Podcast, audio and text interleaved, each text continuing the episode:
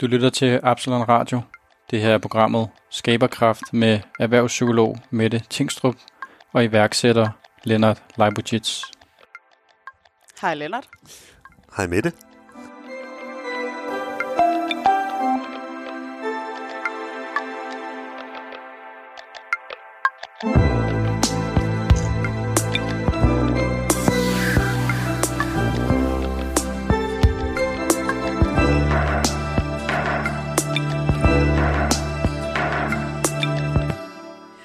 Det tid til at lave noget radio i Radio Absalon. Og som du lige startede med at sige, så siger, du- siger du, vi laver ikke radio, vi laver lyd. Ja. Ja. Så missionen i Absalon, det er at skabe kontakt mellem mennesker, men her i en coronatid, hvor vi egentlig egentlig ikke kan være sammen, så er tanken lidt at skabe det i form af lyd, og hjælpe andre til at få skabt øh, handlinger på deres værdier. Og det er det, vi undersøger i det her program, som vi nu har valgt at kalde for skaberkraft. Ja. Ja. Så første gang, vi lavede det her program, der vidste vi egentlig ikke helt, hvad det var, vi havde gang i. Vi tænkte, lad os kaste os ud i det, som du siger, vi improviserer, vi skal prøve at handle os fremad og blive klogere. Så efter første gang blev vi klogere på, det skaberkraft, vi undersøger her. Det er det, vi gerne vil have ud i verden. Og det vi sammen er i gang med at, at kreere ved at lave det her program, og øh, opfordre lytterne til at øh, skabe handlinger på deres værdier. Så vi er faktisk øh, en lytter, der har skrevet ind, som sagde, tak for programmet, jeg har fået lyst til at lave fællespisning fællesspisning ude i Værløse, når jeg kommer tilbage efter en coronatid, hvor man må det her. Øh, Så det var noget af det, hun fik lyst til at lave på baggrund af det her. Så efter sidste gang øh, sagde du faktisk, øh, vi er i gang med at improvisere, men øh, det kan også godt være, at jeg faktisk skulle have været forberedt, sagde du. Så øh, i dag har vi aftalt med hinanden, at vi skal fokusere på et emne ind i skaberkraft. Nemlig skaberkraft ind i organisationer. Hvordan får vi taget øh, ledelse på skaberkraft i organisationer, og hvordan bliver vi klogere på, hvordan det kan se ud derude. Så Lennart, du er en mand, der har øh, skabt forskellige øh, steder. Et af du har skabt Absalon, Hornbækhus, øh, Søgvesthuset også, eller Kanalhuset, som det hedder ude ved Christianshavn. Og så er du selvfølgelig også manden bag øh, Flying Tiger i, i tidernes morgen. Og du og jeg har haft mange snakke omkring øh, ledelse. Så skal vi ikke lige starte med at høre din holdning til ledelse? Og hvad der, der er dine erfaringer med, øh, med god ledelse af, af skaberkraft? Altså, det som jeg synes, der er en, en, en god ledelse og en problemstilling, det er det, der hedder, hvor centralt styret skal en organisation være, mm. og hvor meget skal det være decentralt. Øh, og det, jeg ser generelt, er, at firmaer er alt, alt, alt for centraliseret. Jeg kan huske, at jeg sagde til mig selv, da jeg drev tiger, at hver dag, hvor jeg ikke var ude i en butik, der har jeg fejlet. Mm. Fordi så det- du ønskede egentlig at komme ud Ja, og, og mærke det derude? ja. Ja. Jeg, jeg, jeg sagde sådan til mig selv, at, at, at øhm, øh, kongen, dronningen og bønderne. Og kongen, det er kunderne, og dronningen, det er butikken, og bønderne, det er også på kontoret, fordi vi er en service for det. Fordi i virkeligheden, så handler det om et eneste tidspunkt. Det handler om det ene tidspunkt, hvor der er en kunde kommer ind og siger, jeg vil gerne have denne her vare, og jeg vil gerne bytte øh, de her penge for denne her vare. Det er den succes, der ligesom ligger i et salg. Øh, det er det. Og, Så her kalder du faktisk dig selv for, øh, for bunden, Lennart. Ja, Ja. det, ja, fordi det er jeg. Jeg er en servicefunktion for, at det væsentlige øh, skal foregå, der hedder, at en kunde kommer hjem med øh, et øh, tæppe og er glad og kan gå ud i skoven og sætte sig med sine venner. Øh, så missionen bliver opfyldt på den måde. Mm. Men, men det, jeg synes bare, jeg, jeg har oplevet så mange firmaer, hvor det er, at du har en direktør, der tjener øh, mange millioner om året øh, i årsløn, og samtidig har du en kassemand eller kassedame, der tjener måske øh, 25.000 øh, om måneden. Og øh, det er svært for direktøren at forstå, hvad for en virkelighed der er for den øh, person, der arbejder ude i en butik. Og det er svært for virksomhedslederen, som jo tjener mange, mange penge, at forstå, ligesom at det her det handler om kunder, der kommer ind og køber noget til et, til et helt andet beløb, og har en helt anden indsigt, end hvad han eller hun har.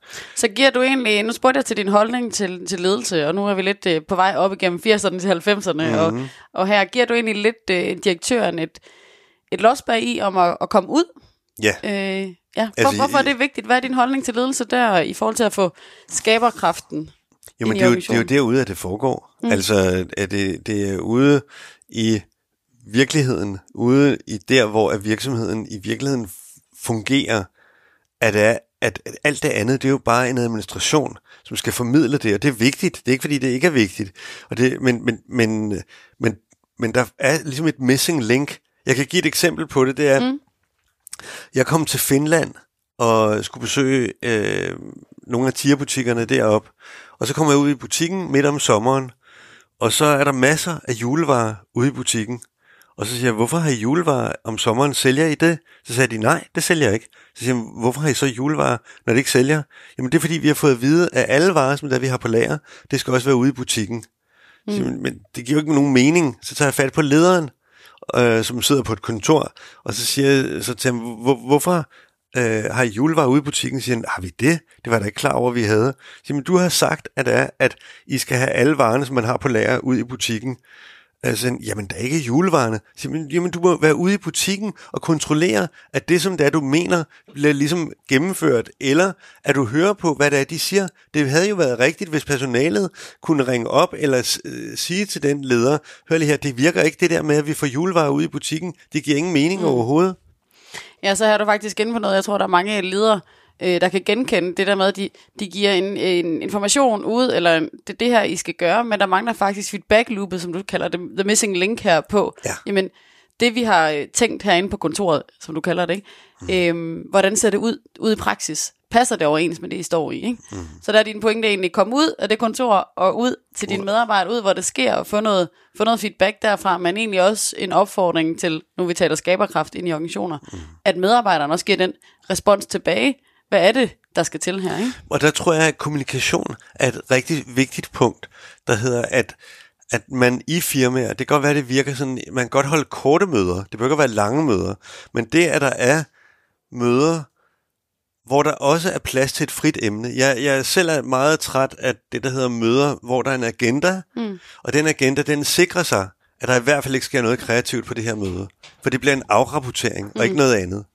Men hvis du også har på sådan et møde en, et open space, hvor der er mulighed for at tale om, der hedder, hey, går det her i virkeligheden, som det er, vi gerne vil have det? Er det her den rigtige måde, vi gør det på? Stiller vi spørgsmål ved os selv? Og hvad ser I? Og, hvad ser, og, og taler sammen? Så i den kommunikation, der opstår der nogle rigtig vigtige informationer. Det var sådan, I kan bare fortælle i tiger, at vi havde de her møder, ledelsesmøder og så videre, og øh, der afrapporterede vi rigtig godt. Så bagefter gik vi ned på Shawarma House inde på strøget og spiste frokost. Og dernede, midt i maden, der var der nogen, der ligesom sagde, hey, kunne vi ikke bare gøre sådan og sådan? Mm. Og så sidder de andre og siger, jo, det var da en god idé, lad os gøre det.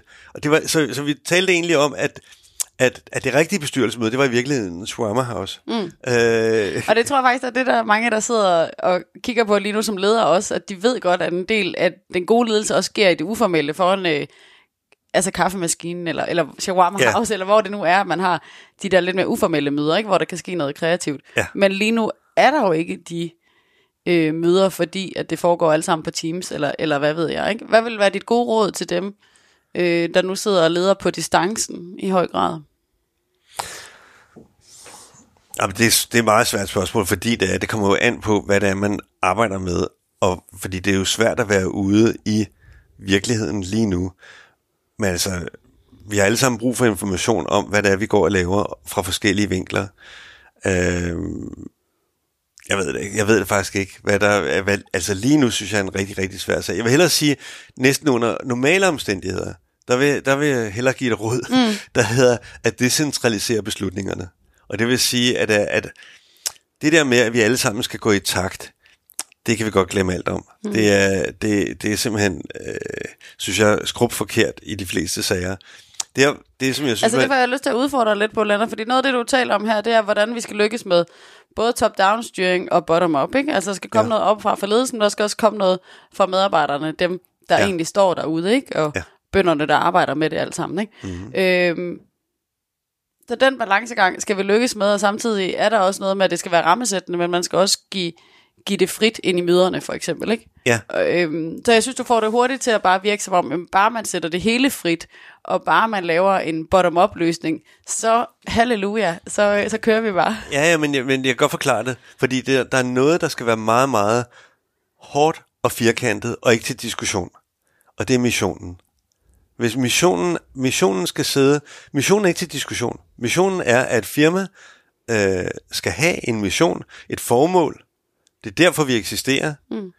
Og øh, det formål er faktisk ikke til diskussion. Firmaet lever og dør med det, den mission. Men indholdet om, hvordan vi gør det, der skal vi være i konstant proces, fordi verden udvikler sig på alle områder hele tiden. Og, Så det er der, du synes, der skal være top-down styring. Det er på missionen og, Ja. og inderligheden, som vi var inde på i sidste program. At der skal lederen også- også mærker sin inderlighed her. Ja, og der skal også være et politi, der holder øje med det. For hvis du træder uden for den mission, så skal der, så skal der ske noget. Så skal du vise en intolerance over for det. Mm. Så det er meget vigtigt, at den der mission... Men når du så har missionen, så bagefter, så er det fantastisk ledelse at decentralisere og lade folk selv beslutte, hvad det er, de gerne vil. Fordi så kommer hele ledelsesdelen ud i de yderste led. Og det er dem, der bestemmer. Og der kan jeg give et eksempel, det var, at på Hornbæk Hus, det hotel, vi har oppe i Hornbæk, der har vi sådan gjort meget ud af at fortælle, øh, da vi overtog det, om missionen. Og der er der en pige, Og missionen med Hornbæk Hus, hvis du lige skal nævne den for lytteren. Jamen det er det samme som med de andre aktiviteter, vi laver, som handler meget om øh, sociale relationer mellem mennesker gennem aktiviteter. Mm. Og Syser, som arbejder deroppe, hun har forstået det rigtig godt og laver en utrolig god kundepleje, der gør, at folk er velkomne og så videre. Og så siger hun en dag til mig, hun siger, at, øh, at øh, forleden dag, så synes jeg, der var sådan en god stemning til fællespisningen, at jeg inviterede alle sammen ind i pejstuen til øh, kaffe og kage på vores regning. Og det håber jeg er okay. Og så sagde jeg, at du kan tro, det er okay. Det er da det bedste, du kunne gøre. Det var, at du tog selv initiativ til noget, som du synes var rigtigt, og, og som jo bygger op om den mission, som der vi har. Så jeg, jeg hvad hedder det, lovpriste hende mm. for at tage initiativ til det her. Og, og, og, og mange, jeg har haft bare mange erfaringer med, at, at det er derude, at udviklingen i virkeligheden foregår. Det er derude, da, vi, da jeg drev tierbutik, så pludselig var der nogle tossede italienske partnere, som det var, jeg havde nede i Italien, som begynder at tage par rykker på og solbriller og lave sjov i butikken og skrue lidt højere op for musikken øh, og, og, og så videre. Og der blev en farlig fest ud af det. En farlig fest lige nu. Nej, ja, men en god fest ja. Ja. ud af det. Og, og i stedet for at skælde dem ud og sige, sådan er konceptet ikke, så sagde jeg, ej, hvor er det fedt, det skal vi andre sgu da også gøre. Altså, for- forstår du? Mm. Så, så, så udviklingen foregår ude i de ydre led. Det er sgu da ikke i administrationen, at det foregår.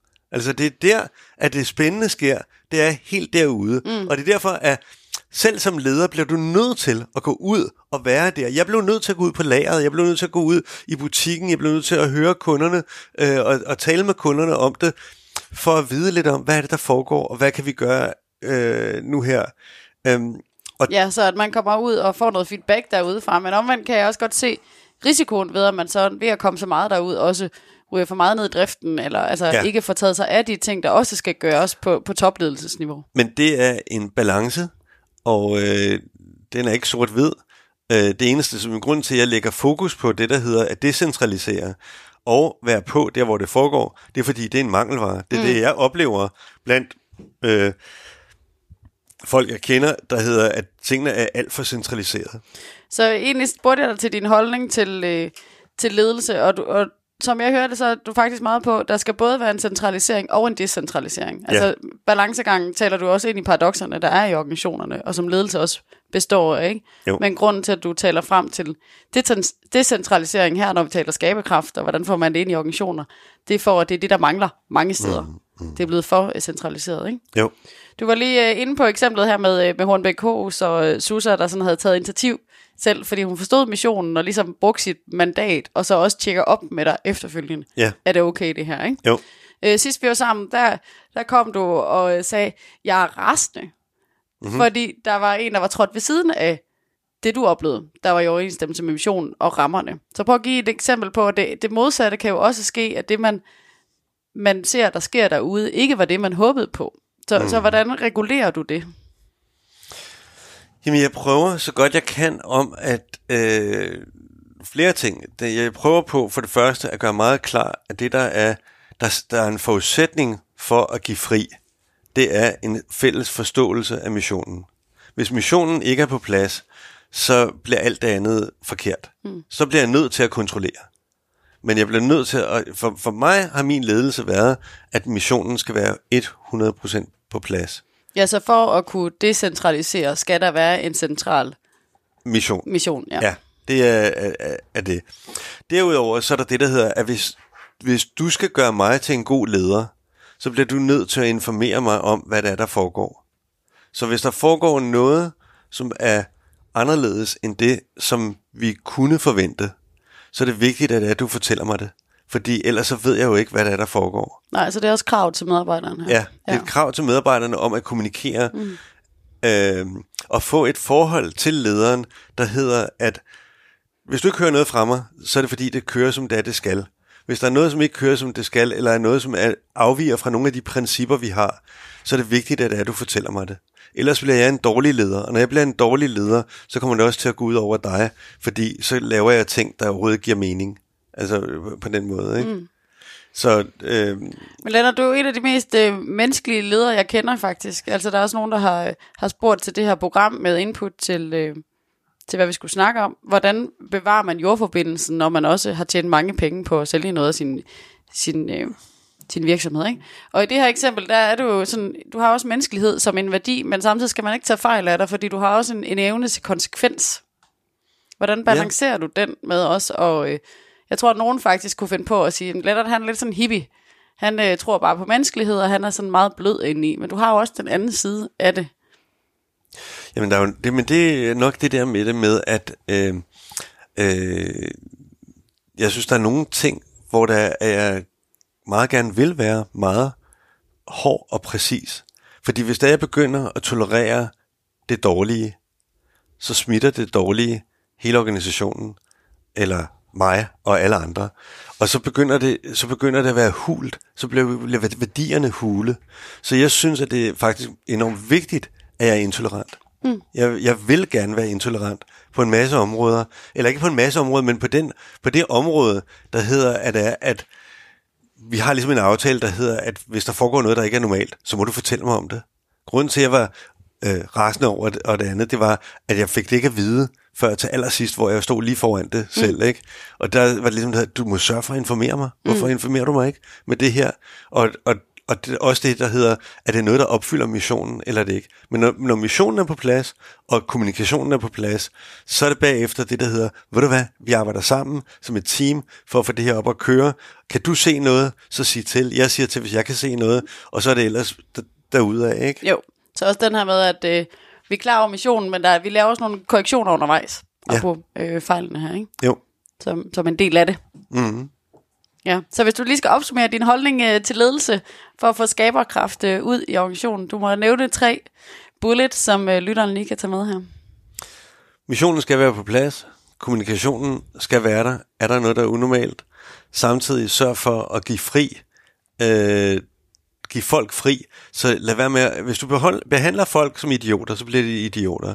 Og hvis der du behandler dem rigtig, rigtig godt, og ser dem som intelligente mennesker, øh, og vil have dem med på at skabe det hold, øh, så bliver du nødt til at behandle dem øh, derefter. Øh, og der må også være plads til, at de fejler og laver nogle gange noget, som ikke er 100% okay eller i orden, og det er fint nok, fordi at man ved, at overordnet er der et forhold, der hedder, at vi får det her op at køre. Mm. Ja. Så. Så kære lytter, vi er jo i gang med at øh, undersøge skaberkræfter i dag med fokus på, på ledelse af at få skaberkraft ud i organisationen. Hermed har vi hørt dine holdninger, Lennart, til hvad, øh, hvad du synes, der skaber energi og skaberkraft ude i organisationen. Ikke? Men øh, lytter, vi vil også gerne høre fra dig. Det kan være, at du sidder og bliver lidt øh, provokeret af det, Lennart øh, får sagt her. Øh, så lad os høre, hvad der er gode erfaringer derude. Lennart, vi taler jo en del om, at øh, ledelse og skaberkraft ude i organisationer, det også kalder på, at man øh, som leder har en klar mission, og det er den, man skal tage centraliseringen på. Altså komme, komme op og fra. Ikke? Øh, men det du egentlig også taler ind i, det er, at det er vigtigt, at lederen har et personligt engagement øh, ind i sin ledelse. Og du er også en, der, der sådan, i princippet har du ikke sådan adskilt dit arbejdsliv og, og dit privatliv. Hvad er det egentlig, du vil opfordre lederen til i forhold til det personlige engagement, for, for overhovedet at kunne lykkes med sin mission? Jeg, altså jeg tror, at jeg, øh, jeg har aldrig set en forskel på mit privatliv og på mit arbejdsliv. For mig har de to ting været meget integreret i hinanden. Jeg har ikke prøvet at være, jeg har ikke spillet en rolle, når jeg gik på arbejdet, eller når jeg var derhjemme. Det er ligesom, det er den samme Lennart, mm. der er der øh, begge steder. Øhm, det synes jeg er nødvendigt for mig som menneske, og det er også samtidig en måde at kommunikere med til dem, som man arbejder sammen med som leder. Ikke? Øh, jeg har, Altså kommunikere, at de også skal være ja, træde, altså det, det, de, de, de skal være engagerede også, og de skal også træde frem som de mennesker, de er. altså de er jo ikke bare dukker. De er jo nogen, der også skal være med til at skabe noget. De skal også komme med initiativer. De skal være øh, motiverede og, og, og, og så videre. Og de kan ikke være motiveret, hvis det er, at du bare bruger dem som en eller anden øh, dum i arbejde. Nej, altså apropos skaberkraften ude i organisationer, hvordan får man det ud? Jamen det kommer også ved, at du selv er personligt Ja. engageret, men også at du hjælper til, at de bliver personligt engageret. Ja, og der er... Jeg, øh, jeg har altid i, i, i øh, tiger har jeg altid inviteret folk hjem til mig en gang om året, for at de, øh, for ligesom at vise, hvem jeg er, og komme hjem i mit hjem. Og det synes jeg bare har givet. Jeg har også øh, ligesom øh, foreslået det til, til andre, øh, for, for at få det her forhold, hvor det er, at ved du hvad, jeg taler til dig som et menneske, jeg taler ikke til dig som en funktion. Nej, altså der er vi faktisk lidt tilbage i den der jeg-du-relation, som vi talte om i et af de første programmer. Ja. Altså hvordan relaterer man sig til mennesker omkring sig? Ja. Ja. Og det bliver bare meget levende. Det bliver, værdierne bliver meget mere levende, øh, når det er et jeg-du-forhold, ikke? Mm. Øh, og ikke, der hedder, du er personen, der udfører denne her funktion, ikke? Altså det er, det er fremmedgørende og ikke menneskeligt. Øh, Altså noget af det, du gør som leder, det er også meget at træde, træde ind i rollen med, hvem du er, frem for at spille en rolle, som siger. Jeg har ikke spillet en rolle, ikke? ja. Det, jeg får lyst til at udfordre dig på i den sammenhæng, Lennart, det er, at jeg ser også mange ledere, der skal ture være upopulære. Fordi de skal træffe nogle beslutninger, der er langtidsholdbare, men på den korte bane, der kan det godt være, at de vil få meget modstand øh, på det i personalegruppen, for eksempel. Ikke? Mm-hmm. Øh, så hvis man er for opslugt af sit arbejde, hvis man er øh, lederen 100%, at det også er, hvem Lennart er, så kan det være svært at turde tage de øh, upopulære beslutninger. Ja, men det er der bare ikke noget at gøre ved. Fordi det er den funktion og den øh, rolle, som det er, du har, at, der, at, at der kan være nogle ubehagelige ting. Det at fyre en medarbejder for eksempel, er ikke nogen behagelige ting. Det er en utrolig ubehagelig ting, men man bliver nødt til at gøre det, hvis det er, at det er situationen. Nu kan vi jo ikke vurdere det, for vi, mm. vi taler bare om det mm. øh, principielt, ikke? Men, øh, men der er ikke så meget diskussion. Det er en del af det at være leder. Øh, så hvis du ikke kan lide det, så lad være med at være, led- være, led- være leder, ikke? Eller det kan godt være, at du ikke kan lide det, men du er i hvert fald igennem det. Og du må så hvad gøre har det du på en selv ordentlig måde. måtte øh, tage livtag med som øh, leder i forhold til dit personlige engagement? Hvor har du, hvor har du måttet tage dig selv i nakken og sige, okay, jeg bliver ved med at gå, gå den her vej? Det ved jeg ikke rigtigt. Jeg ved ikke rigtigt, hvor jeg har gjort det. Øhm, jeg, jeg synes, jeg prøvede på at involvere øh, personalet så godt som det er, jeg kan. Øhm, jeg synes, jeg har været personlig. Øhm, I hvert fald forsøgt at være det.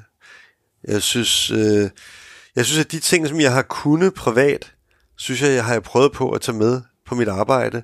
Og jeg har også lært utrolig mange ting på mit arbejde, som jeg har taget med i mit private. Mm. Og den korrespondence, tror jeg er vigtig, at den er der.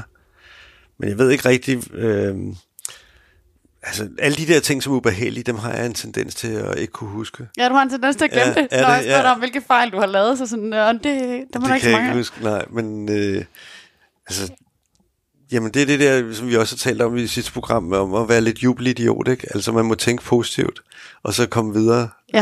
øh, af den vej. Tur fejle sig lidt øh, fremad i Ja. den her sammenhæng. Ja. Men Mette, nu, du spørger mig om, hvad jeg oplever som, som ledelse og de problemstillinger. Øh, du er erhvervspsykolog også, øh, og, og har meget med ledere at gøre. Hvad, hvad for nogle problemer er typiske... Øh, de, hvorfor kommer folk til dig? Jamen, folk kommer typisk til mig, fordi de, øh, de har respekt for ledelse som en faglig disciplin. Altså, de godt ved, at det, de skal lykkes med, det er at lede, lede en virksomhed. Og så kan det godt være, at de har en, en faglighed inden for, for det felt, hvor der er noget særligt, de, de er uddannet til, som, mm. som de også skal lede på. Men, men det her med at være leder, det hele tiden kræver, at du reflekterer, stiller dig på kanten af organisationen og ser, hvad er det egentlig, der er god ledelse her. Øhm, så jeg havde en, en direktør den anden dag, som fortalte, at han skulle øh, deltage i et interview, hvor øh, journalisten havde sagt, at hun gerne vil interviewe ham om, hvilken ledertype han er. Mm. Og allerede der er der jo noget, der faktisk udfordrer lederne i høj grad, fordi de forventer, eller den opfattelsen af ledelse er, at man er en bestemt type. Og det er der jo ikke nogen, der er. Det er jo god ledelse for mig at se, at man øh, hele tiden træder ind i forskellige typer af ledelsesroller, og kan gå ind og læse organisationen og se, hvad er det egentlig, der skal til at god ledelse. Så de fleste, der kommer til mig, øh, vil gerne kunne varetage ledelse bedre, og være mere reflekteret over, hvad der egentlig er god ledelse. Så de ikke bare gør det, de plejer, eller det, de ved, at de er gode til, men de også kan, kan hele tiden udvikle sig på nye måder. Og så er der nogen, der kommer til mig, fordi at de øh, kan mærke, at de er lidt lost i, hvor de skal hen karrieremæssigt. Der er også nogen, der tænker, hvordan får jeg missionen til at leve på forskellige vis. Og det er en, en, en høj tendens til lige nu, det er, at mange skal have hjælp til at træde mere tydeligt frem. Mm-hmm. Så noget af det, du egentlig taler om her, det er, at, at man skal lede med sin menneskelighed, man skal finde sin mission og alt det her. Og det, det oplever jeg egentlig, at der er mange, der kan have lidt svært ved, når de har været ledere i mange år, også at huske sig selv på, hvad var det egentlig, jeg gerne ville, øh, og hvad er det, jeg gerne vil nu, sådan aktuelt, og, og tillade sig, som du har nævnt tidligere i programmet, tillade sig at mærke efter. Mm. Øh, som jo er, ja, nok også en grund til, at de kommer til mig som psykolog, men egentlig også noget der, hvor de øh, skal turde lede på det. Mm. Og stå på mål for det. Men Øh, men det er også for, vel fordi, at, det er, at man bliver hurtigt bundet af en kultur. Altså det kan være, at man har arbejdet i et firma i 25 år eller noget, og den kultur, der er der, og så bliver man leder eller, eller lignende, så er det svært at ryste kulturen af sig, mm. eller altså, jeg synes, vi gør, vi er meget bundet af vores kultur øh, på det. Det første spørgsmål, jeg altid stiller ledere, der kommer til mig, det er at spørge om, hvorfor er du blevet leder? Mm. Eller hvorfor du leder det her sted, ikke? Og de fleste kan faktisk ikke svare på det. Der er rigtig mange, der, hvor, det, hvor det er sket, eller hvor de er blevet prikket på, eller hvor de er blevet løftet op. Så, øh, så en stor del af det handler også om at finde deres motivation til at være leder. Apropos missionen. Hvorfor er det, du er leder? Hvad er det, du gerne vil lede på? Hvad er det, du gerne vil skabe i din organisation og i verden, som, som egentlig også får træde ind i den rolle, som der ligger her? Jeg tror også, at som leder kan jeg selv genkende i hvert fald en ting, og det er, at nogle gange kan der godt være på t- koldt på toppen af isbjerget. Fordi det kan godt være, at hvis man er øverste leder, så gemmer de alle de svære spørgsmål til mig.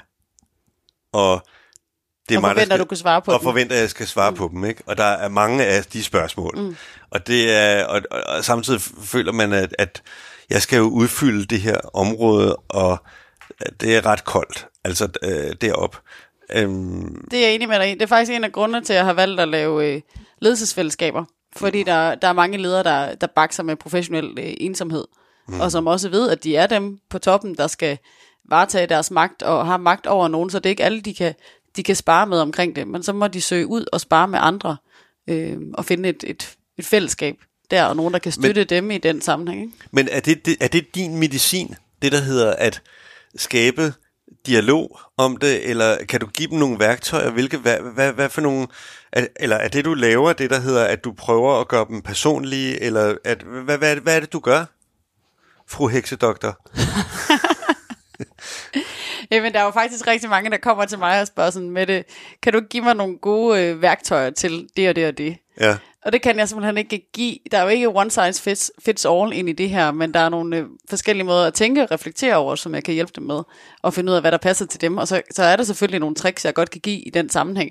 Men i høj grad handler det lige så meget om at hjælpe dem til at, at finde dem i sig selv, som jo er lidt karikeret øh, set, ikke? Men, ja. øh, men i høj grad handler det om, som jeg siger, at, at træde tydeligere frem, og kunne hjælpe dem til at finde ud af, hvad er det egentlig, de skal, de skal lykkes med, og de selv har engagement ind i det. Og jeg oplever rigtig mange øh, topledere især, der stiller simpelthen for høje krav til sig selv, og bliver for hårde øh, ved sig selv.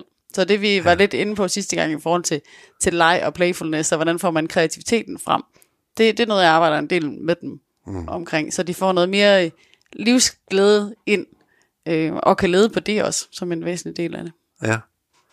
Jeg kan også forstå, at hvis et firma har problemer, og det ikke går, som man forventer, så kan det gøre rigtig ondt på lederen, at øh, han eller hun føler, at det er han eller hendes ansvar at ligesom få det her op, ikke? Og det er et tungt ansvar at, at, at løfte. Og det er jo et reelt tungt ansvar. Ja. Altså, og det er faktisk en af grundene til, at jeg synes, at et ledelsesfællesskab kan noget særligt.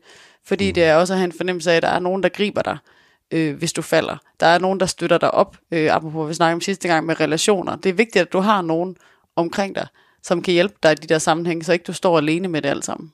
Mm. Men har folk, har de ledere, du møder, har de ligesom en form for selvbevidsthed om, hvor er det, at, at skoen trykker, eller hjælper det også, eller hjælper du dem med også at finde ud af, hvor det er, skoen trykker? Altså, hvad er det, der... Det kan jo godt være en følelse, at man føler, at der er et problem her, og jeg øh, har det egentlig ikke godt med mit arbejde, men jeg er lidt svært ved at sætte fingeren på, hvor er det? Jeg synes, i høj grad så kommer de jo til mig, når de har fundet ud af, at der er et eller andet, de skal arbejde med. Men det er ikke sikkert, at de ved, hvad det er. Mm. Øhm, så jeg øger helt sikkert, eller hjælper dem til at øge deres bevidsthed, og giver dem nogle forskellige øvelser og refleksioner til at gøre det videre. Og for mig er god ledelse, at man reflekterer, at man giver sig tid til at forholde sig om, hvad god ledelse er inde i det her, og hvordan kan jeg selv være i det, så jeg også tager vare på mig selv, så ikke jeg bliver for afhængig af feedbacken fra organisationen. Jeg skal ud og involvere mig, som du også taler om, men jeg skal også kunne trække mig på de ri- rigtige steder. Ikke? Så det er sådan en paradoks, man må være tæt på, på distancen, og hvordan øh, balancerer jeg hele tiden i det. Så fordi god ledelse også er at kunne balancere i paradokserne, så, så kræver det ret meget øh, refleksion omkring det. Mm. Jeg synes, at det er...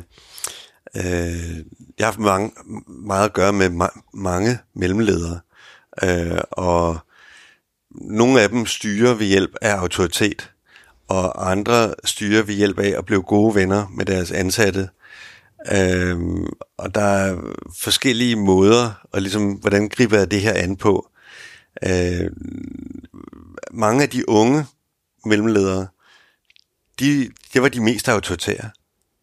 Fordi de havde ikke viden nok, så de måtte styre ved hjælp af autoritet. Mm. Hvor den voksne øh, leder behøvede ikke at være autoritær, fordi han eller hun vidste godt, øh, hvad det handlede om, og det handlede mere om indholdet, ikke?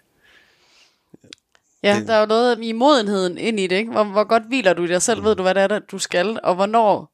Jeg vil sige, det, det, er både, det er både og her også. Hvornår er det, at du skal kunne, kunne sige, sådan her skal skabet stå? Og hvornår er det, at du skal kunne lede på, på menneskeligheden ind i det? Jeg ville tro, at der var nogle ledere, der havde det sådan, at de synes, at det, de arbejdede med som det vigtigste i hele tilværelsen, altså virkelig tænker 24 timer i døgnet næsten, også når de er hjemme, at de finder ud af en skønne dag, at det er skide ligegyldigt. At det, det kunne jeg godt forestille mig. Altså ligesom brænder af mit liv. Altså når man bliver ældre, det kan jeg sige, fordi jeg er blevet voksen. Øh, Hvor gammel er du? Du er for lytteren, der ikke kan se dig lige nu. Hvor gammel er du? Er? Øh, Jeg er 61. Men jeg kan mærke det der med, at, at tilværelsen er ikke uendelig, og den er endelig, og beskæftiger jeg mig med det, som jeg i virkeligheden gerne vil. Mm. Øh, eller er det bare et spil, jeg har fanget i, Ja. øh, og kommet til at spille Matador til klokken 4 om natten, men jeg skal på arbejde næste morgen, ikke? Øh, så jeg skal lige passe på, om jeg bliver for engageret i det der spil, ikke? Mm. Øh, Men det, det, du faktisk taler om, der er jo dit eksistensparadoks. Hvornår er det, det endelighed, og hvornår er det, uendelighed. Og der er der en generel tendens til, når man er sådan plus, plus 45, så begynder man at kunne mærke uh, uendeligheden også. Gud, der er noget her. Mm. Nej, undskyld, endeligheden. Endeligheden, selvfølgelig. ja, ja, At der er noget her, der er endeligt. Hov, hvad er det, jeg skal tage vare på? Gud, laver jeg det rigtigt? Mm. Og alle de her forskellige ting. Så der, der er rigtig mange ledere, der henvender sig til mig omkring de 45-55 år, som de har brug for at blive justeret ind på. Laver jeg det rigtigt? Og nogen svarer, ja, det gør du, men du skal bare lige vælge det til igen, og vælge det på en ny måde. Og andre kan det være, det ved jeg simpelthen ikke, om jeg skal gøre, og, øh, og måske skal jeg lige tage en pause for at kunne finde ud af, om det er det rigtige, jeg laver. Jeg havde det på den måde, som du beskriver. Okay. Jeg havde det, der hed, at da jeg var faktisk omkring 50 år, så tænkte jeg, at indtil da, der kunne jeg bare gøre det i morgen.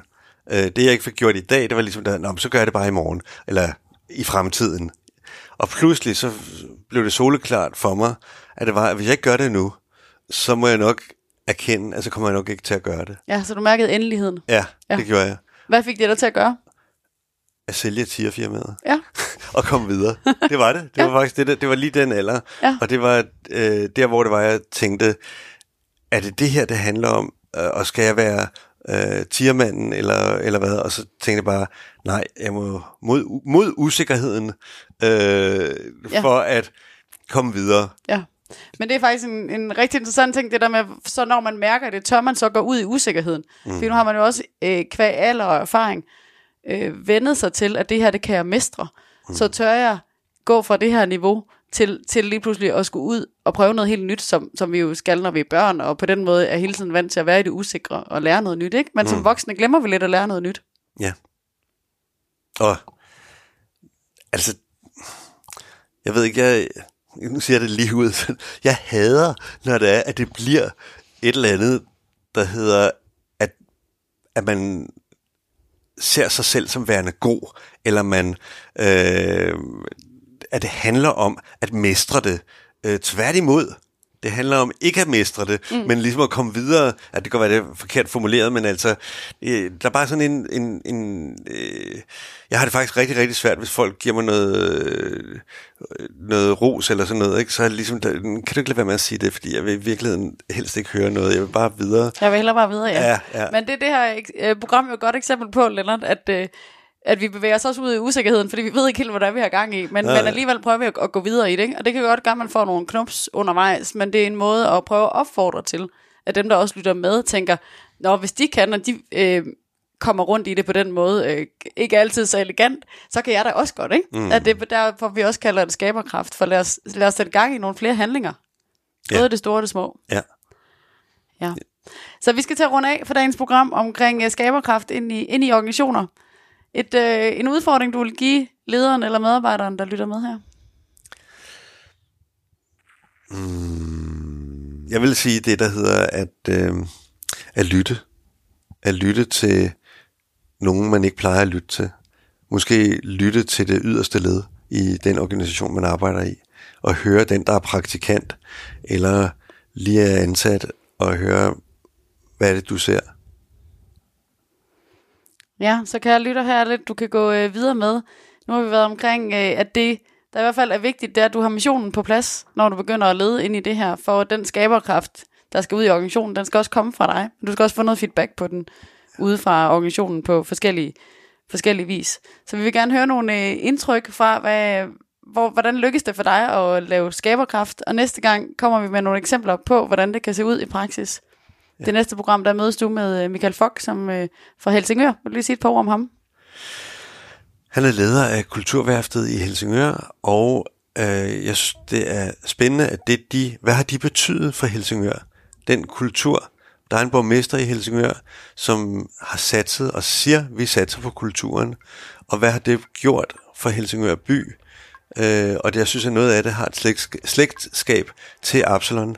Øh, og det glæder mig til at tale med, med Michael om. Ja, så skaberkraft med øh, eksempler af næste program.